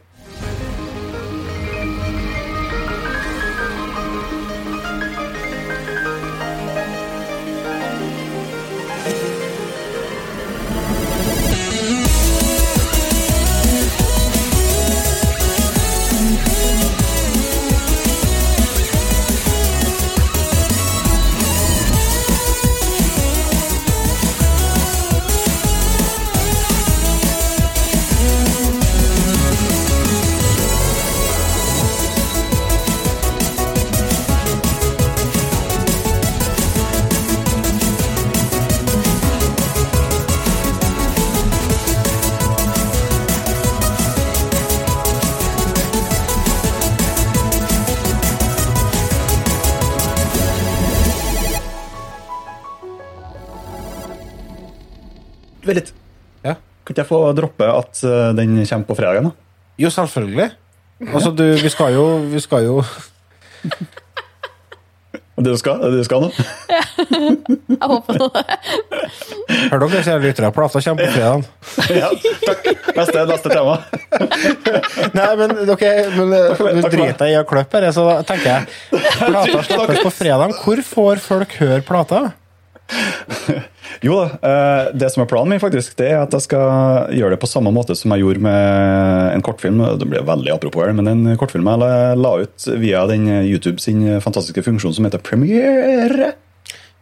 Som gjør at man spiller av videoen som om det er rett og slett et TV-pro- TV-program. Men man har også en sånn chattefunksjon. Jeg har jo ikke noe formening om om det kommer til å møte opp så mye som en egen eneste kjeft, men hvis det gjør det, da, tilbake til det med at jeg lager noe som eh, bare et par stykker syns er dritkult, så er jeg glad som en laks. Så bare AMA og alt mulig rart, og henge med oss liksom i 50 minutter, som den eh, plata tar og spiller gjennom. Så tar vi og går over til noe og setter opp en server med Light Bears, som er en artig sånn der eh, sisten, gratis sistenspill på Steam. Så skal vi henge litt sammen resten av kvelden. Koselig. Er det på YouTube-kanalen din? Ja, YouTube-kanalen min. Jeg tror det er Halvardu som er enden, men jeg tror det er bedre at du, at du søker bare på, på navnet mitt. Halvard, og så Fark, og så Ulsund. Så tipper jeg du kommer fra. Du snakka om en kortfilm. Det er jo den filmen 'Pikselhjerte' du refererer til, vil jeg tro. Ja, jeg kommer tilbake i neste episode, episode og så kan jeg snakke om den. Fordi at uh, vi har jo en gjeng med flotte patrions, og en av dem hadde et lite spørsmål i forbindelse med oh, ja. den filmen. Og det var hva inspirasjonen til pikselhjertet var. Og det var en Fred Inge, Mr. Awesome, som har stilt det spørsmålet. Det var et tålelig awesome spørsmål. Du, det er jo, Inspirasjonen er sikkert den, den barndommen som ganske mange av dem som som jeg vil tro kanskje likte den filmen, hadde. da. For jeg tror vi har hatt samme referansene til den, den type eh, retrospill eh, som har inspirert. Og eh, Og så er det litt den melankolien med det å drive og, henge, eh, drive og eh, springe litt for seg sjøl ute i skogen. Og fylle eh, Jeg hadde, hadde usynlige venner da jeg var mye. og, og, og det Det har gikk det ennå seg. Ja, ja, ja. Har det, så. så. Jeg er ferdig snart. Jeg er ferdig. Jeg kommer- Jeg kommer og tørker snart. Ja, sånn, så, da, så, så, så er det Så, så, så det, det er litt sånn vagt, vagt svar fra meg, men det er rett og slett litt sånn her. Tankefull. eh, Gå ut og leke for seg sjøl i skogen. Bruk eh, pinner og late som det er tre sverd. Og late som sverd, mener jeg. Jeg tror nok det er mange, veldig mange som har eh, de samme referansene der, altså. Ja, tror jeg Mm. Det er alle, de, alle de visuelle referansene som jeg putta inn i, i spillet også, nei, filmen, Det er jo på en måte nesten det samme greia, kan du si. Det, det er noe med den her Amiga-ballen som ligger i, i gangen i stua, for eksempel, eller Another World-maleriet, og blimpen fra Shadow of the Beast. Nå skal jeg slutte å snakke. Nei, men altså, Det er jo absolutt en film som dere kjære lyttere òg må stikke og se. Det er en eh, jævla fin uh, Jævla fin film, altså. Det, det skal sies. Eh, Så Har du noen planer om noen oppfølger, eller? Altså, eller en ny film? Eller er det så mye arbeid at du ikke ser der overfor det? Det er Jeg jobba jo sånn, ti år på den, skal du si, sånn splitta opp, da. Eh, Og jeg har, jeg har jo, det er jo et kjempestort univers som jeg har skrevet masse notater og regler for eh, hvordan det funker. Og filmen fortsetter jo i det på en måte det universet der jeg har lyst til å breie ut litt, da. Greie ut litt, mener jeg. Eh, Og, og det var også en plan om at spillet skulle fortsette i en sånn pek og klikk-variant. Ja. Og det, jeg har påbegynt manus eh, som setter det også, men eh, prosjektet tok nesten livet av meg eh, i, da jeg holdt på med det. Så eh, per nå, sånn som jobbene eh, er eh, i hverdagen min, så har ikke jeg kapasitet Eller familien min har ikke kapasitet til at jeg skal sitte og gjøre noe sånt eh, med det samme. da. Men jeg har ideer, så hvis det er noen som har lyst til å drodle og utvikle manuset sammen med meg sant? og fortelle hvordan vi kan få eh, Ja, for du er ganske møysommelig. Altså, Lytterne våre vet jo ikke dette her, men jeg og du drev jo og leika litt med en podkast. Ja, jeg tenkte å det, for jeg kanskje det virka som utro fra Det var noen måneder siden. Et år siden, kanskje. kollegaene din hører på. Og vi holdt på Vi holdt på kanskje i to-tre måneder, og vi kom ikke oss forbi introen. Dæven, vi kjørte den Lars hardt. Det. Det var så møysommelig at uh, jeg ble helt uh, satt ut, jeg. Du fikk nok. Nei, du, vi kom da i mål, så. Vi gjorde det. Jeg syns Ja. det ble bra. Jeg synes Ja, det ble bra. vi fikk det i introen. Tre pilotepisoder. Ja, de ligger der, de. Ja da. Du kan gjøre hva du vil med dem. Ja. Uh, nei da, men uh, kult. Da er det bare å sjekke ut uh, YouTube og regne med den ligger på Spotify og på fredag. Ja, eh, jeg vet du hva, Spotify, jeg, jeg har ikke, altså Spotify har sin egen eh, prosess på hvor lang tid ting tar. Ja. Man vet ikke, man sender det inn, eh, og jeg må passe på at de ikke er tilgjengelige før fredagen, selv om det er allerede tilgjengelige sanger. Ja. Så må jeg passe på at de kommer liksom i rett rekkefølge, så jeg skal forte meg på torsdagen og iverksette opplastninga. Så. Mm. Men alt skal oppdateres, så jeg skal, liksom, jeg skal peke både hit og dit. Det er masse kanaler de kommer på, for jeg bruker et sånt distribusjonsverktøy. Supert. Vi gleder oss. Topp. Da eh, vet dere hva dere har å gjøre, kjære lyttere, på fredag. Men nå skal vi ta oss og hoppe over eh, Hoppe oss videre. Vi skal, det er jo denne E3-messa som eh, ja. er like rundt hjørnet. Første som kommer, er vel kanskje Kan det være IGN har noe greier allerede i dag? Altså i dag når episoden kommer ut. Ja. Men uh, det som er interessant, er jo egentlig hva de altså For min del så kikket jeg på E3 for å se etter indie indiespill. For meg så er E3 dere massive, dere trippel A-titlene og, og sånne ting. Og eh, tida fram mot E3 er jo bestandig fylt opp med masse rykter og, og håp og drømmer. Som eh, noen blir fylt, går i oppfyllelse, og noen går i tusen knas. Og eh, vi har jo oppe og kikka litt og fulgt med litt hva som ulmer. Og vi tenkte vi skulle snakke litt om det. da Har du fått med noen rykter og sånt, eh, Halvard? Ja, det er jo den eh, det er mulig det er litt tidlig å si det, men det er jo snakk om en uh, ny hardware til, fra Nintendo. Eller en oppgradert en, altså den. Som er ganske interessant. Men for min del så er det, det er litt for sent. Jeg har venta på den i lang tid. Det er jo mimer på nett der det er ukentlig twittes her. Her er lekkasjen om den nye Switch Pro. Det har foregått i flere år. Ja. Og så er det en sånn greie med at hæ, kom det ikke en ny eh, lekkasje i denne uka her, liksom? Så nå kan det hende det faktisk skjer. Ja, for det, det var jo Er det uh, forrige uke koka det skikkelig rundt det som, angi- ja, som vi kaller for Switch Pro, da. Da var jeg liksom Ja, på torsdagen, da, da slipper jeg meg. Fordi at øh, bla, bla, bla. De vil ikke slippe den på E3 fordi at den tar alt fokus, osv., osv. Eh, torsdagen kom og gikk, den. Kom ikke noen ny Switch, med. jeg satt klar jeg med bankkort og skulle bestille og alt jobb. Det var bare å glemme. Så jeg Sto håper, håper virkelig at det kommer noe på, på E3, altså. Eh, Men jeg tror ikke den eh, proen kommer til å skygge så mye annet hvis de så gir en tosekunders trailer av Breath of the Wild 2. Så vinner de to sekundene uansett hva de kommer med Ja, jeg tror jeg. ellers. Men det som jeg kanskje er øh, Det jeg er veldig spent på, hvis det skjer at de lanserer uh, Switch Pro, er hvordan de gjør det. Går de i fella, VU-fella, eller klarer de å faktisk eh, få fram at det er en forskjell på Switch og Switch Pro? Switch U. Ja. Du sa for noe?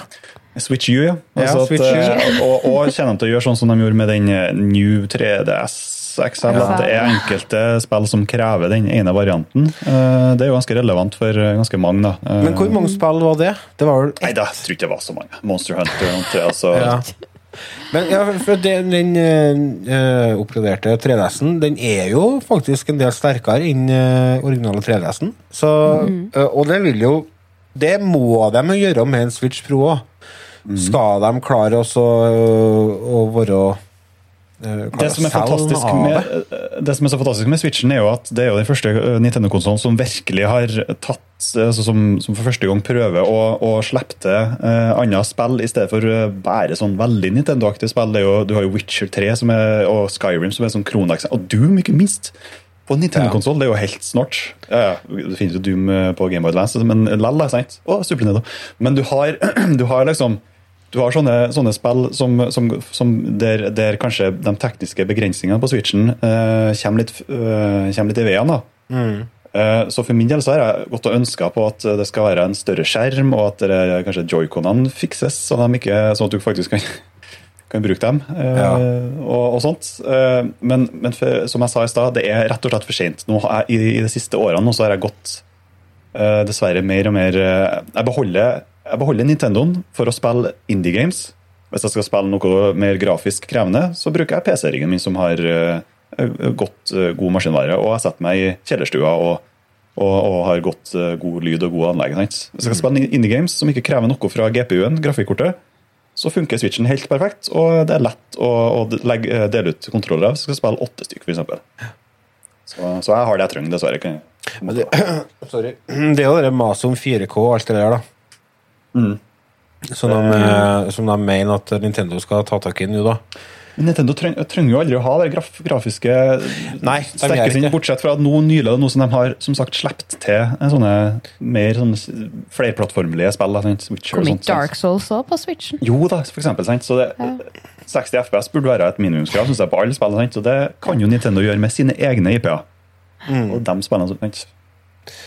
Ja, for altså, Nintendo har jo på en måte hele tida hatt den filosofien om at de skal ta tak i Eller ta i bruk gammel tech uh, for å klare oss å selge til en billig pris, og heller utnytte maks. Eh, men det du sier om at de uh, ikke har hatt den tredjeparts Altså den, de voksne spillene på konsollene sine tidligere, det stemmer jo ikke helt. Altså, det er jo egentlig Det var jo Wien, det ble jo den familiekonsollen. Men der òg var det jo en del voksenspill, men det var jo VU som på en måte var den fiaskoen. Den, Ja, den fikk men- jo ikke tredjepartsstøtte i hele tatt, nesten ikke. Nei, men, men for eksempel da, Black Ops 2 finnes jo på Wii U, men det er likevel en variant, uh, Nintendo-variant, på en måte. der, selv om Ja. den er ganske likt. Altså, men, sant? men nå Ja, er det sånn at det er nesten identiske releases, da, kan jeg si, bortsett fra at de har selvfølgelig Mm. nedskalert litt. Du får den litt gufne blurringa som er i alle videospill. Men Mm. ellers så er det altså, så er det ganske sånn De, er, de snakker mer sammen, alle de konsollene i generasjonen her, da, tenker jeg. Ja. Men det som Proen har, eller det som Switchen har, det er jo det er jo første uh, Altså, det er jo Nintendo sine utgivelser. Altså, Ja. det, det er jo Nintendo må ikke finne på å slippe Mario og alt på- det der. Ja. Må ikke finne på å slippe, gi slipp på det, da går de under. Det, eller jeg går ikke under, men det, det må de ikke gjøre. Men får vi Breath of the Wild 2, da? La oss si uh, ja, og så blir hjertet knust i stedet. Eller nei, og så blir det bare sånn «Åh». Det som Jeg eh, har allerede fått fri til jul, hvis det kommer ut til jul, for det sa jeg fra til sjefen. Ja, Og så så du- nå i sommer så sa jeg at hvis Skyward Sword kommer, så så, så skjer det noe, og så sa ja, da setter jeg deg på seinvakt i stedet. Greit.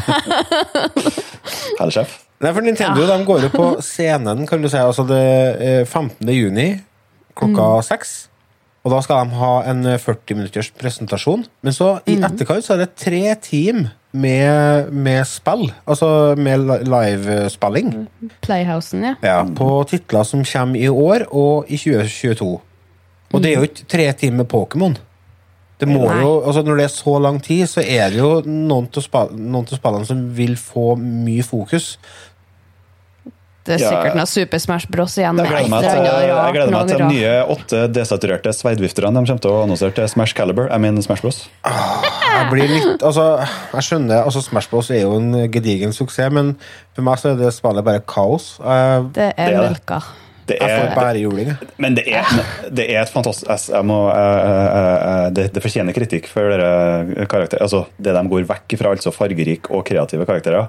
Eh, men, men jeg har hatt, vi har hatt noe som vi kaller for Nintendo Natt, der jeg samler en gjeng med kompiser. Eh, Og vi spiller Smash eh, til langt på natt, og det er hyling og det er artig. Men vi, vi har mulighet til å gjøre ryddige matcher. da, Sett på turneringsmodus der to og to og fire og fire. sant?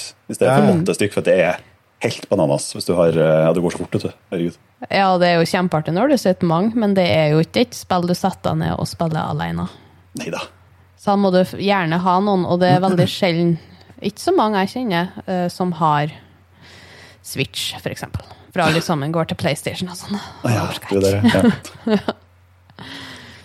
Jeg fant meg et sånn bingoskjema. Det er jo liksom populært i forbindelse med Ja.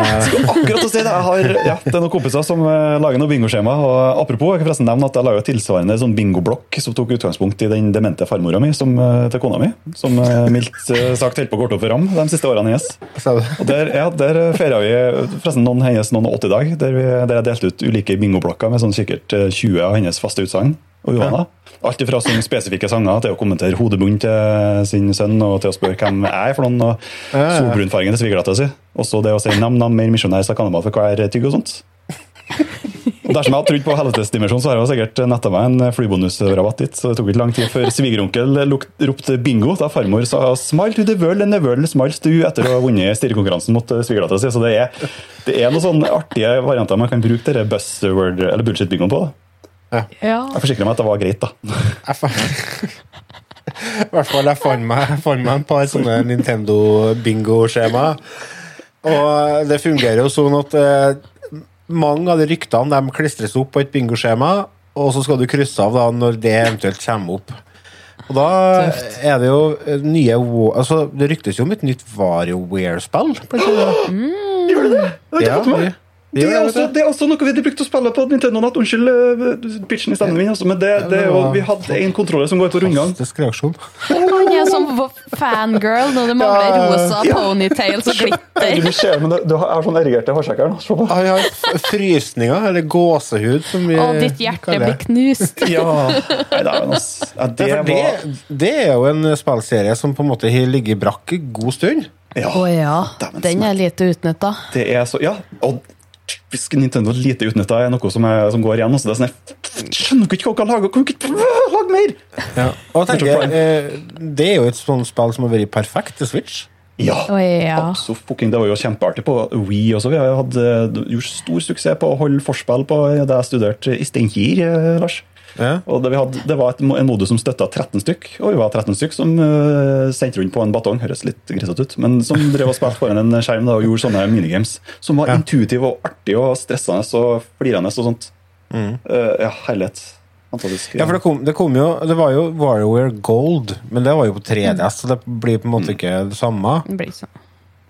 Og før det så var det noe på VU, men det var det jo ingen som kjøpte, for det var jo ingen som hadde den maskinen igjen. Sant? Ja, så det, det var- det, det var jo på en måte ikke kommet ut noe på en, eh, på en maskin. Således, eh, så- GameCube-varianten er vel den, den mest kreme Den som funker godt, da, som har virkelig den kjernen og, og multiplayer-varianten som Og det var jo metta på 2000-tallet. Yes. Ja. Så det er jo absolutt på tide at det spiller de jo ofte, eh, faktisk. Får flaska ut et nytt et eh, av dem. Og likeens eh, kommer det jo sikkert en update til Animal Crossing, da. Helt sikkert. Nye skins. Nye skins, ja. Nye klær. ja nye klær. Vet du, det spillet er et merkelig fenomen. Jeg skjønner ikke. Jeg, jeg spilte sikkert 150 timer sjøl, men jeg skjønner ikke hvorfor jeg spilte 150 timer. Det er jo helt absurd. Jeg, tror, Men du kommer til å sitte i 150 til. jeg har ikke tort å starte. Jeg har det, men jeg har ikke Eller jeg har tilgang på det. Jeg har ikke tort å starte. Jeg lurer på om jeg kanskje er litt ferdig med det. Ja. Jeg tror det, altså. Du, du fikk creditsen som, som rulla på slutten. Credits. Men har du fylt museet med alt av fisk og bilder og insekter? Nei, jeg, jeg, nei, jeg gjorde ikke det. Men uh, det som skjedde, var det at jeg har jo ikke uh, ordenssans for fem flate ører. Så etter at jeg har drevet i 150 timer, så fikk uh, kjerringa mi se øya mi, og så sa jeg kan jeg få lov til å prøve litt. ja, det må du gjøre. Oh. Og nå har brukeren min runda 300 timer, og øya mi ser ut som en helt annen plass. Så jeg har rett og slett mista eierskap til øya mi. Eierskap. Det er ikke min øy lenger. uh, men eh, fra Nintendo til litt annet Nei, nei, nei. nei, nei. nei, nei, nei. Nytt Donkey. Kong. Oi! Oi. Det ryktes jo om det òg. Ja. Altså, Tropical Freeze Donkey Kong Tropical Freeze Det er noe av de kuleste 2D-plattformspillene jeg har spilt de siste årene. Jeg syns det er helt fantastisk. Så jeg håper så gæli på at det kommer et nytt eh, Donkey Kong-spill. Eh, og, Switch Pro. ja, det er Switch Pro, for eksempel. Og det, det var vel Jeg tror faktisk det var Håper det er rapp i introen på det Donkey Kong-spillet, eller? Det kan ikke være noe annet. If you know the words you can join into. Nei da, eh, vi skal ikke gå så mye i detaljer på ting, men eh, altså, det er masse ting. Altså, det, det ryktes om Super Mario Party 2. Uh, en annen ting jeg håper på, er nye baner til Mario Kart. Mm. For jeg tror ikke vi får Mario Kart 9. Du, hva om de gjør noe så tullete som at de bare eh, plukker opp Diddy, Didi Kong Racing på nytt? Bare for å liksom, eh, gi Mario Kart en liten sånn pustepause? Det er Helt snålt uh, forslag Det var rett fra rumpetuten men det er bare sånn. Eller baneeditor til Mario Kart, sånn at de ødelegger Mario Maker, eh, Mario Kart Edition. Ja. Jeg stoler ikke på folk nok til at uh, jeg synes at det er noe som skal ut til folket. Derfor har jeg brukt ordet ødelegge, sånn som Mario Maker. Ja, for det, altså, det Mario Maker det er artig i stund, det. Men så når du skal begynne å spille andre folk sine baner, så virker det som du går sport i å gjøre spillene uspillbare. Også bare leap of faiths, ikke noe spillerett, og den kurateringa er fremst ikke på plass. Så det, det, hvorfor ikke spille eh, baner der Nintendo sjøl har laga Ja. gode opplevelser? Så det blir kvalitet, ja. Mm. Nei. Og så kommer det sikkert noe Pokémon og Ja. Kirby, kanskje, kommer tilbake. Liten Ja. runde. Engelsk F-Zero kom med en sånn uh, utspill. Eller Super Mario Strikers, noen som husker det, eller? Fotballspillet. Ja, det var faktisk det eneste artige sportsspillet til Mario, syns jeg. det. Eh, har du spilt det nyeste tennisspillet? Det er faktisk det eneste artigste eh, sportsspillet jeg har prøvd. altså. Nei, jeg, jeg tror du tar feil der, altså. Golfen, da. Ja, det kommer litt golfspill snart. Ja, det, Ja. Den ene modusen så litt artig ut. Eh, Altså Ja. Der du ikke spiller golf. Du spiller, Ja, du går bananas. Ja. Nei da, det blir, det blir mye spennende. Du var inn på en, eh, en ikke-Nintendo-vri her, Ida. Ja, eh, det er Gearbox og 2K Games. Eh, det er snakk om en eh, spin-off av Borderlands, Ja, sa du det? Wonderlands. Eh, og tittelen er Tiny Tinas Wonderland. Og hun Tiny Tina er jo en drøm. Wonderland, er det hjem til Michael Jackson? Ja. Det passer bra med Tiny Tina samtidig. Ja. Var ikke, het ikke Wonderland? Jo da. Jo. Neverland. Neverland var det, vet du. Neverland var, vet du. Ja. Patent Fra- pending. Parents Så det-. Har jo vært tøft, da. Ja, Borderlands, der det har jeg testa litt. Det er artig, det, ja. Ja. Men- og så må de få en Jack og Jack, ja. Oh, Hva var bilen hans het? Det var jo noe sånn unicorn-greie. Catch a ride! Ja. Catch a ride! Men syns dere, Nei, syns er dere, syns dere Bårdle, altså at det er trekkplaster at uh, du har tre millioner våpenkombinasjoner i spillet her? Er det, er det bra, eller er det tilbake til Mario Maker der ting blir vanna ut litt og kanskje heller bedre å Det blir kuratere? stress, det, for Nei, det meg. trenger du ikke. Det trenger du ikke. Jeg tar og plukker det jeg får, jeg, og så er vi ferdig der. Jeg gidder ikke å bygge ting. Men Bårdle Borderlands har en veldig kul funksjon. eh, En eh, greie som der du kan eh, mark eh, things as trash i inventoryet ditt. Så når du selger ting, så selger du alt du har markert, i stedet for å Mens de andre tre eh, spillerne venter på deg. Nei, det er bra spill. Det er humoren og utseendet generelt. Og Claptrap, herregud. Dustete maskiner. Verste fienden hans er trappi. Hva er det til siste bossen i toa? Ei trapp. How did he know? Hva med, hva med Ubisoft, da? Som eh, gir så saftig F i Rayman, som, er, som det er så gærent potensial i. Nytt Rayman. Rayman-spill har vært artig. Eh, tidlig, Forrige uke var jo Rayman Legends-musikken på Discover Weekly-lista mi på Spotify. Oi! Så jeg ser for meg, er det et lite hint her? En liten fun fact. De, det orkestret som fremfører den Rayman Legends-musikken, er det samme orkestret som vi brukte i en kortfilm vi laga som heter Pålen. Med han Ivar Gafseth, for øvrig. Eh, ja, så det er Macedonian Radio Orchestra, samme orkester som også eh, fremfører Journey-musikken. Det fantastiske spillet her som jeg aldri har prøvd i edru tilstand. For eksempel. Journey er jo et fint spill. Det er magisk, faktisk. Ubisoft, ja. Altså Du snakker om banning i kirka, men jeg, jeg er så enkel at jeg digger veldig mye av det Ubisoft kommer med. Ja, ja. De har, eh, de har sendinga si 12. juni klokka åtte. Begynner de. Og eh, da ryktes det jo blant annet om uh, at det blir fokus, selvfølgelig. Altså, det vil jo få fokus på Far Cry 6. Vil det komme nye Assassin's Creed, eller? Mm, det kommer en del siden, tenker jeg.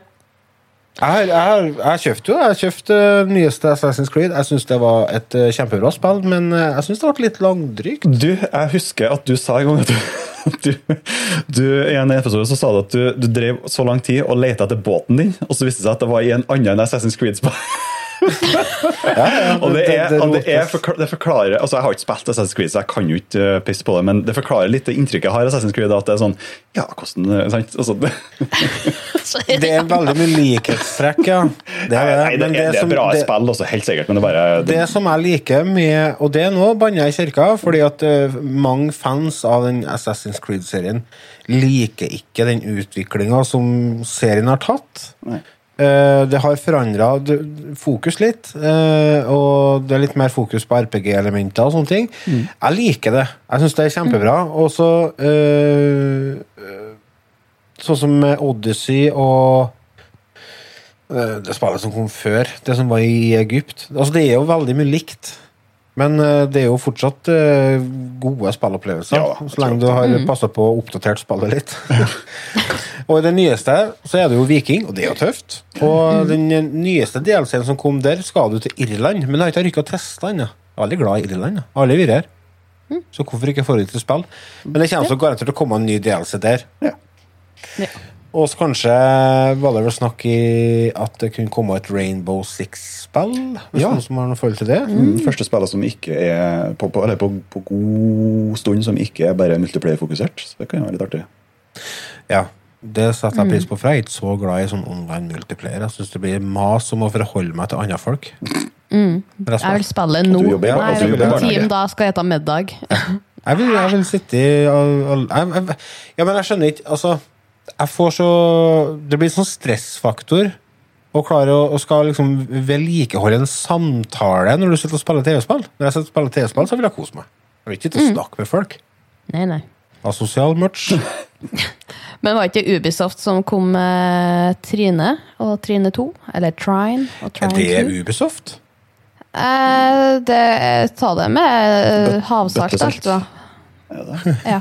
Eh, jeg bare kom plutselig på det spillet, for det, det også kom jo på Discover Weekly-lista mi på Spotify, og da tenkte jeg Kan det komme noe mer til det? En låt som jeg laga er inspirert av den uh, Academy. eh, forresten, Mm. fra Trine, for at den finsken der som har laga musikken, han er ganske, ganske kul. Jeg tror Fin musikk, ikke det fine spill. musikk, fin musikk. Det er utvikla av et uh, selskap som heter Frozen Bite. Ja, så er vi langt ute ifra Finsk, eh, finsk utvikler. To treff til, og så Ida, så får du sparken. Ja. Ja. Det er- noterer underveis. Her er, er søknaden min, jeg skal ta Ja, over. Nei da. Bastard. Jeg tror nok ikke Jeg tror folk må ha litt pause fra meg en liten par år. Du gjør deg i små doser, det du sier. Ja, sånn som musikken min. Har Veldig jeg musikken min? Nei da, det blir, en interessant, eh, det blir noen interessante dager. Eh, Jeg vet ikke om vi skal bruke så mye mer tid på det. For det, altså det, det her er jo kun rykter, det er jo ikke noe som er bekrefta. Og, og vi må bare krysse fingrene for at vi kanskje får noe vi håper på. Eller så må vi bare ta til takke med det vi får. Det er Eller så som neste gang så begynner vi å skrike. Det er som med dere lytterne, dere må ta det dere får, dere òg. Så jeg tenker at uh, nå har vi uh, hyllet på såpass lenge at nå skal vi bare ta oss og runde av. Er det eh, noe du vil uh, klemme inn, Halvard, før vi begynner med siste biten? Et lite tips. Hvis du har, øh, hvis du har kaffe igjen på kaffekanna, da så tøm det opp i isbitbrett, og så lager jeg iskaffe neste gang. Blir En liten dæsj med Baileys og litt eller O'boy. Så, Er du ei dame på 50? eh, nei, ikke sherry. Altså ba ja, okay, Baileys og sherry. Ja, ja. Sist jeg var på polet, så var det en dame som sa "Har- du, har sherry, faktisk. ja. Sånn som, Nei, men jeg har portvin. det er så. Nei, men Det er jo et kjempebra tips. Det er jo, det er jo sommer og sol. Enn så lenge. Har du vært på Pinterest nå? Ja, ja, ja, ja. Pinterest, sjø. Interessert. Pinteressert. Det var det siste du hørte fra Halvard. Ha det. Det var det siste du hørte fra Ida. Så nå skal vi ta og runde av. Tusen takk, kjære lyttere, for at dere eh, er med oss. Vil dere støtte oss, gå inn på patrion.com. Husk å følge oss på Facebook, og følg oss på Facebook. Igjen, husk å følge oss på Spotify, og følg oss på Facebook. Og så sier vi god helg, og så får dere uh, ha det så bra. Og så høres vi Hør, Herregud, som jeg rører det! Så høres vi igjen om en uke. Vi snakkes. Hei du! Fy faen, altså. Blir du sendt på Det er kvelden? min, det er min feil.